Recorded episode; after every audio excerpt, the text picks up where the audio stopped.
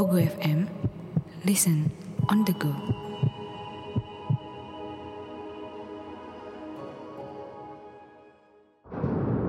Hai, saya Chow Sing Sing. Selamat datang di podcast Horror Night Story. Pasang telinga, buka pikiran, dan biarkan rasa takut merayap di dalam dirimu. Selamat mendengarkan.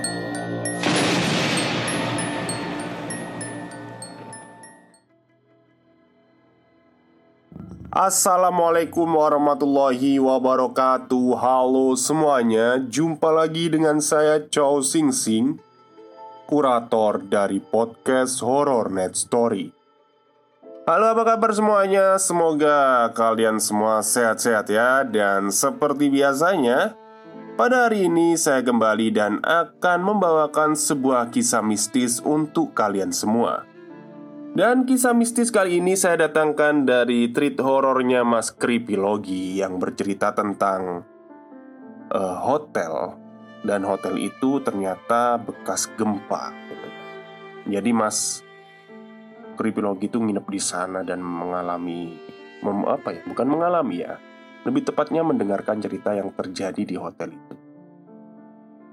Uh, Bagi yang ini ya Mungkin nanti dalam saya bercerita karena memang kita tahu sendiri tulisan yang ditulis oleh Mas Kripilogi ini kan sangat bersajak ya. Jadi jangan kaget kalau agak bacaannya agak mendayu-dayu gitu ya. Agak kayak apa ya? Ejaan lama lah. Oke, daripada kita berlama-lama, mari kita simak ceritanya.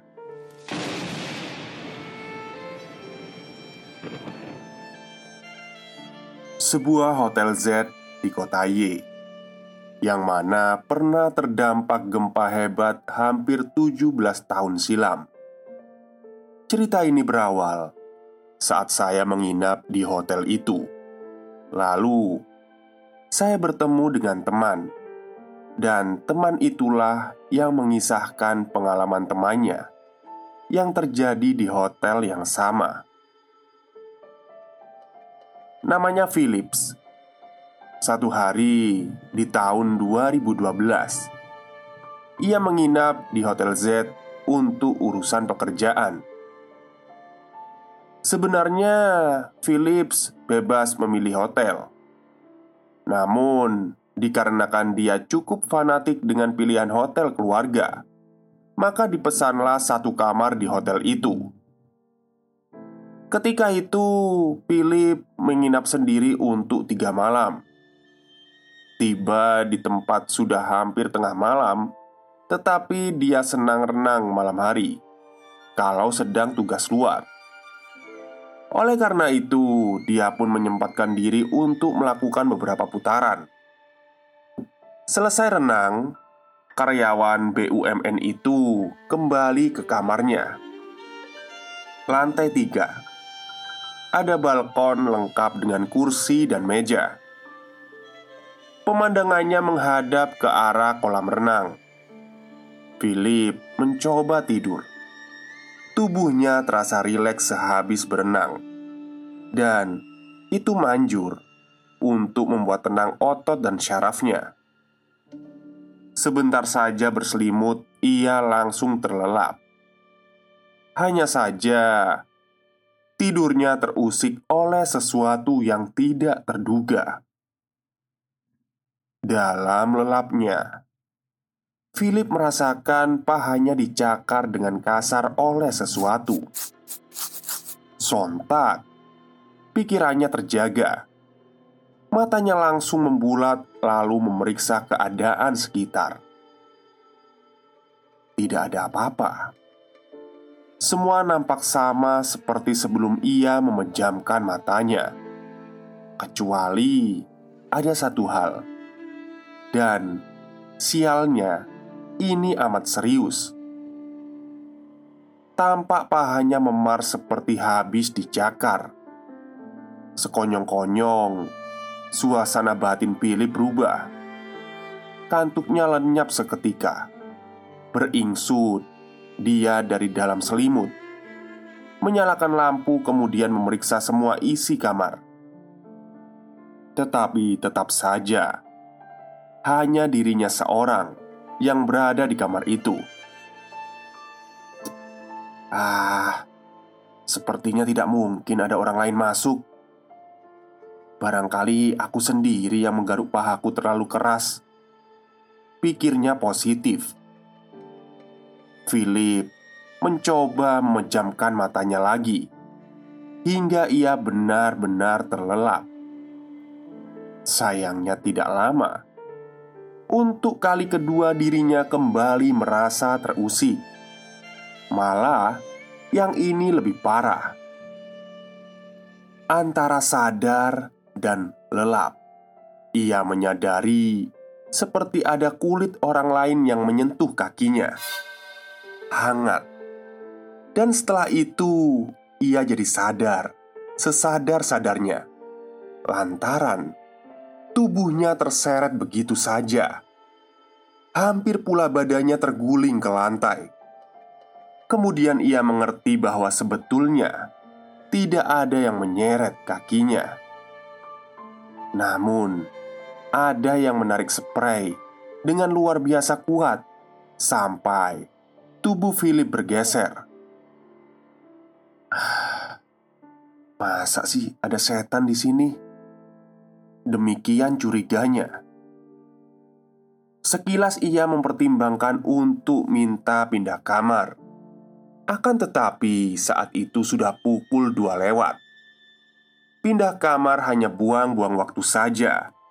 Sedangkan dua jam lagi ia akan bangun untuk mengerjakan subuh. Kabar baiknya, Philip dapat sesumbar bahwa dirinya bukan orang yang takut terhadap setan. Kepercayaannya tentang adanya makhluk goib tidak membuatnya gentar.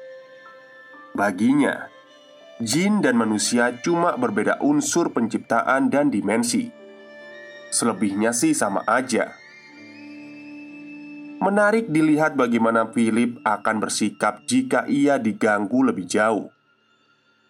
Dua jam cepat terlewati. Lelaki itu kembali terbangun karena amat gesit refleksnya terhadap waktu subuh. Ia pun meninggalkan selimutnya untuk bersujud dua kali dengan tambahan dua sujud. Itu menjadi permulaan aktivitasnya. Sesudah sholat, ia membuka laptop guna menyelesaikan satu pekerjaan yang tertunda. Cepatnya waktu makin tidak terkira. Tahu-tahu langit sudah terang, dan kesibukan demi kesibukan menuntunnya hingga gelap mengganti terang. Sampai di hotel, belum terlalu malam. Sebetulnya ada rekannya yang menawarkan hiburan malam itu. Namun, Philip ini tidak suka mencari hiburan di luar. Lagi pula, hiburan dalam konteks kolegial terkadang mengusik pandangan moralnya. Sementara dia sendiri menganggap sudah punya hiburan yang paling menyenangkan. Tidak lain yaitu Salma, perempuan yang dinikahinya tiga tahun yang lalu. Dia selalu saja membuat Philip ingin cepat-cepat pulang tiap kali berjauhan. Maka, setibanya di kamar, ia menelpon Salma sebelum mengerjakan yang lain. Panggilan itu pun segera terjawab. "Ya Tuhan, kamu lagi."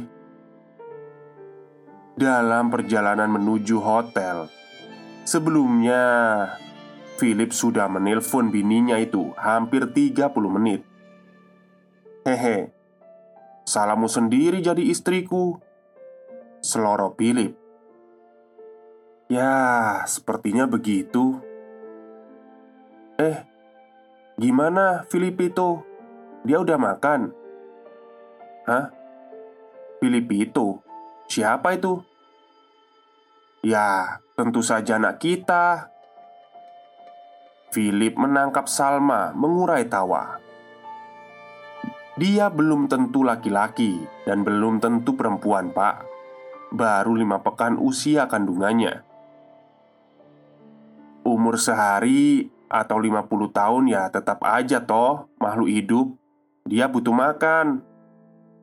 Iya benar, kecuali dia masih bergantung pada ususku sampai tujuh bulan ke depan. Kalau gitu, kamu udah makan belum? Salma mendesis lalu berkata, Shh, kapan kamu menyerah bertanya sudah makan? Astaga, kamu selalu lupa kalau aku ini tukang makan. Percakapan jadi berkepanjangan. Bagi Philip, itulah sejati-jatinya hiburan. Dengan mengobrol bersama istri, ia dapat tertawa, guling-guling, atau bahkan bisa menjadi pujangga dadakan. Kamu gak bosen nelpon istrimu tiap hari? Sebentar ah Eh, hari ini udah enam kali loh kamu nelpon aku Kamu apa aku yang bosen? Philip mengembalikan pertanyaan Salma Eh, mana mungkin Aku cuma kasihan aja sama teman menginapmu. Kedengarannya ia seperti kesepian kamu biarkan. Hah? Teman? Aku sendirian, Salma. Oh, kukira hari ini ada rekanmu. Enggak, aku hanya sendiri. Tadi siang udah kukatakan kan kalau aku nginap sendiri. Iya, iya. Aku ngerti kok, maaf. Lupain aja lah.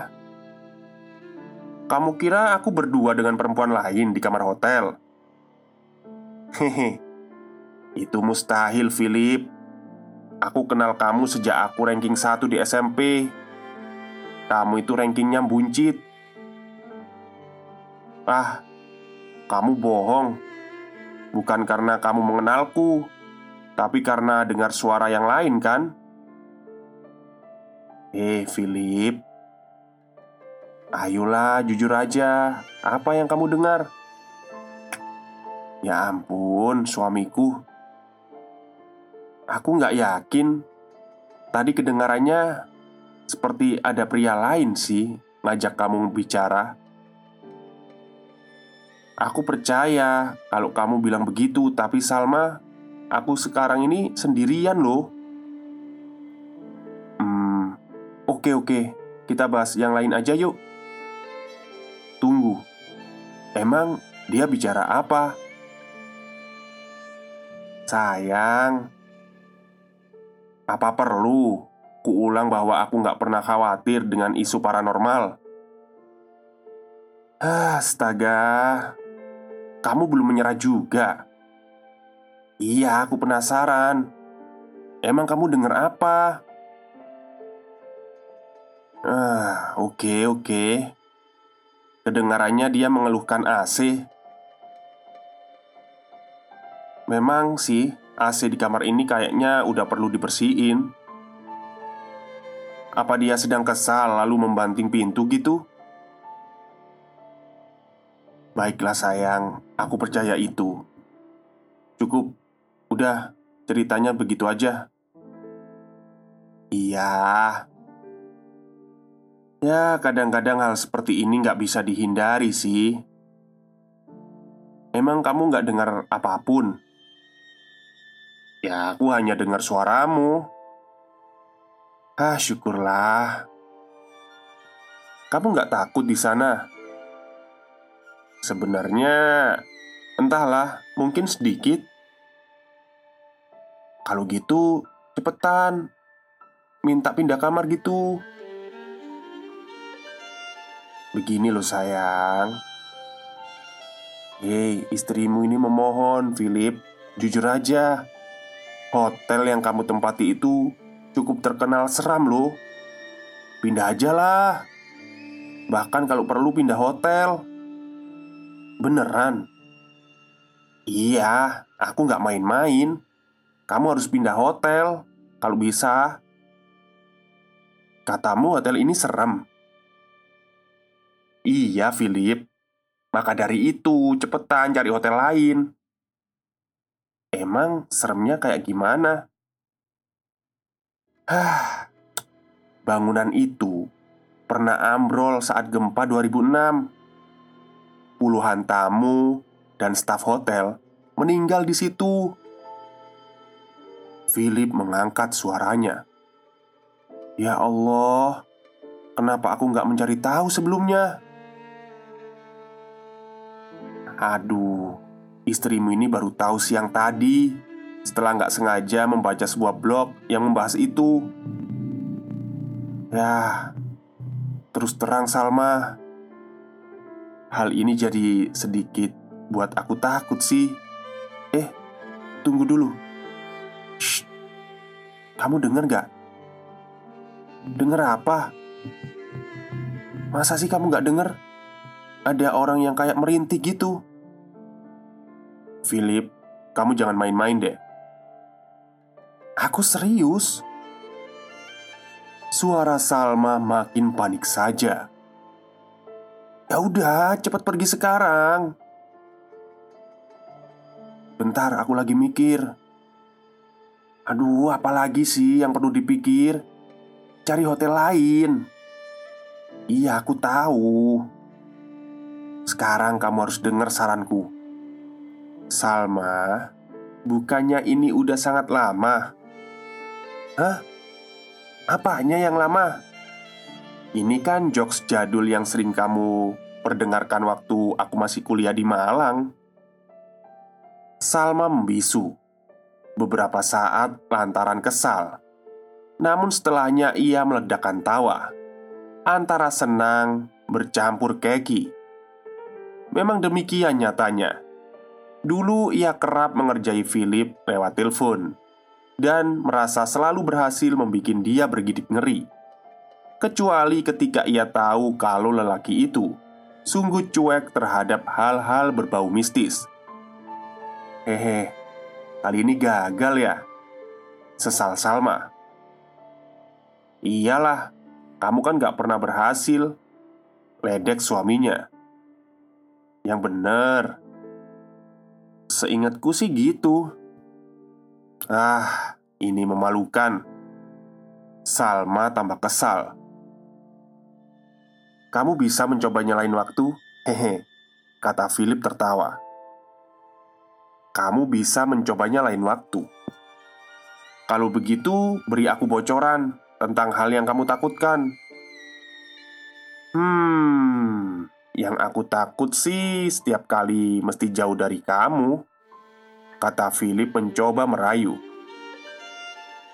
Aku takut setiap kali mesti jauh darimu.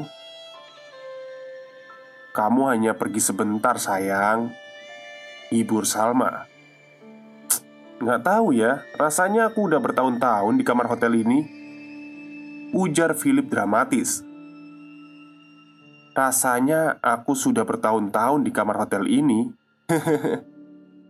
Salma tertawa keras sebelum meledek suaminya Dengan berkata Kamu ini ya Terlalu dramatis Tiba-tiba Philip? Halo, Philip. Kenapa diem aja? Sayang. I iya. Eh, sayang. Kayaknya ada yang aneh deh. Desis lagi itu. Padahal aneh yang kurasakan. Philip menutup telepon sepihak. Telinganya langsung dipasang untuk mendeteksi suara yang tertangkap sebelumnya. Ia yakin ada seseorang yang meniru ucapannya berulang-ulang, dan suara itu amatlah dekat. "Hei, kenapa kau mengganggu obrolan kami?" Philip bertanya meski tidak terlihat lawan bicaranya. Tidak terdengar tiruan kata-kata. Berhenti menakutiku Itu percuma kawan Kau bisa melakukannya lebih baik Tapi bukan dengan orang sepertiku Ayo, ngomong, kenapa diem aja? Kayaknya tadi mulutmu rewel banget. Ingin teman bicara? Ayo bicara. Aku punya sedikit waktu sebelum berenang lalu tidur. Astaga, kayaknya percuma deh. Aku bicara sendiri di kamar ini. Kalau kau tidak mau menjawab, maka jangan cari gara-gara lagi lah. Ngerti kan? Philip tidak bersuara lagi seperti itu. Ia bermaksud pergi ke kolam. Kostum kerjanya segera dilepas untuk digantikan pakaian rumahan. Sebelum keluar, ia padamkan beberapa lampu, juga pendingin ruangan. Sebab sistem kelistrikan di kamar hotel itu belum otomatis. Adapun lampu tidur sengaja dibuat tetap menyala. Kamar itu menjadi kuning temaram Kemudian Philip duduk di kursi untuk membalas beberapa pesan BlackBerry yang berhubungan dengan pekerjaan dan keluarga. Lalu terlintas sekelebat suara. Refleks. Lelaki itu memalingkan pandang di seberang kursinya, persis di situ gorden kamar tersingkap sendirinya hingga membuat pemandangan luar tampak lebar. Bukan pula angin yang menggesernya. Philip sadar bahwa makhluk halus itu sedang mengganggunya lagi. Oleh karena itu, ia bersiap-siap mengajaknya bicara sebagaimana sebelumnya. Akan tetapi, maksud hatinya segera terkubur bersamaan dengan munculnya sosok asing di balkon kamarnya. Wujud itu tidak teramat jelas, menyerupai bayangan karena hitamnya, tetapi juga dapat dipindai gambarannya. Mirip seorang laki-laki, dan lama-lama makin nyata bahwa itu benar laki-laki. Tingginya sedang, kepalanya lonjong, sedangkan badannya agak buntal. Dia berdiri, diam, dengan pandangan terdunduk.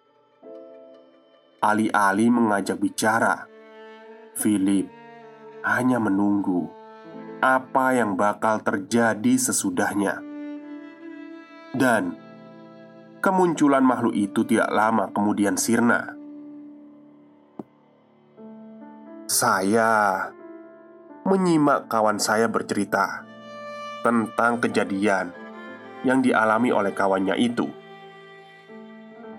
Saya sangat terpikat dengan kisah itu.